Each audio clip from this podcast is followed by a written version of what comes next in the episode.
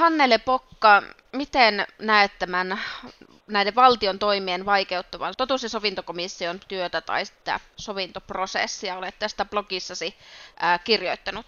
No lähinnä olen seurannut, miten, miten saamelaisalueelle on alkanut ilmestyä näitä kaivoslain mukaisia varauksia. Nehän eivät toki vielä tarkoita kaivostoiminnan aloittamista, mutta ovat herättäneet kovasti huolta, enkä ole huomannut, että yksikään näistä varauksista, jotka on laajoja, niin olisi saaneet suurempaa hyväksyntää saamelaisyhteisöissä.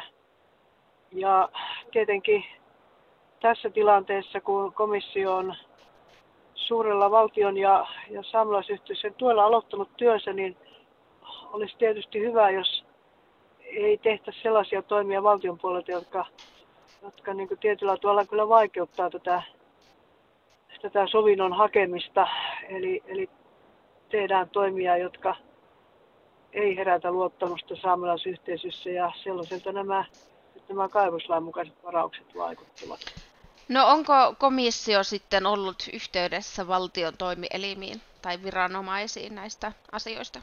Ollaan tietysti keskusteltu tästä niin periaatteesta, että olisi hyvä, että meillä on, on työrauha, mutta on varmasti muitakin asioita kuin kaivosasiat, jotka, jotka vie niin kehitystä toiseen suuntaan, että ei ainakaan vielä olla yksittäisten asioiden kanssa lähdetty liikkeelle. Minä sen sijaan, joka pidää blogipalstaa ja olen paljon kirjoittanut kaivosasioista, niin olen kirjoittanut tästäkin oman, oman arvioni.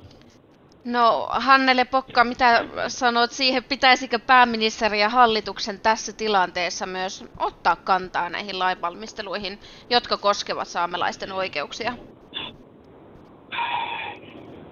No varaukset ovat voimassa kaksi vuotta ja, ja ne ovat niin, niin sanotusti nyt, nyt menneet läpi tämän viranomaiskoneiston. Luvat on myönnetty ja aina kysymys on siitä, että, että, että tuleeko sinne nyt edelleenkin uusia ja uusia ää, varausilmoituksia. Ja valtiovallallahan on nyt niin kuin erinomainen tilaisuus tähän puuttua, koska kaivoslaki on auki ja sen, sen uudistaminen on menossa ja, ja, ja tuota, lausuntoja on siitä annettu ja, ja päätöksiä, missä muodossa se lähtee eduskuntaan, pitäisi tehdä. Eli tässä on valtiovallalla erinomainen tilaisuus niin reagoida mm. asiaan. Vielä tähän lopuksi kysyn, että miten, miten sovintoprosessi etenee, miten totuus- ja sovintokomission työ etenee? No, kyllä, tässä, tässä, kyllä tässä vielä ollaan totuuden etsinnässä, eli, eli tuota, mitä on tapahtunut selvittämisessä no, koronan takia, niin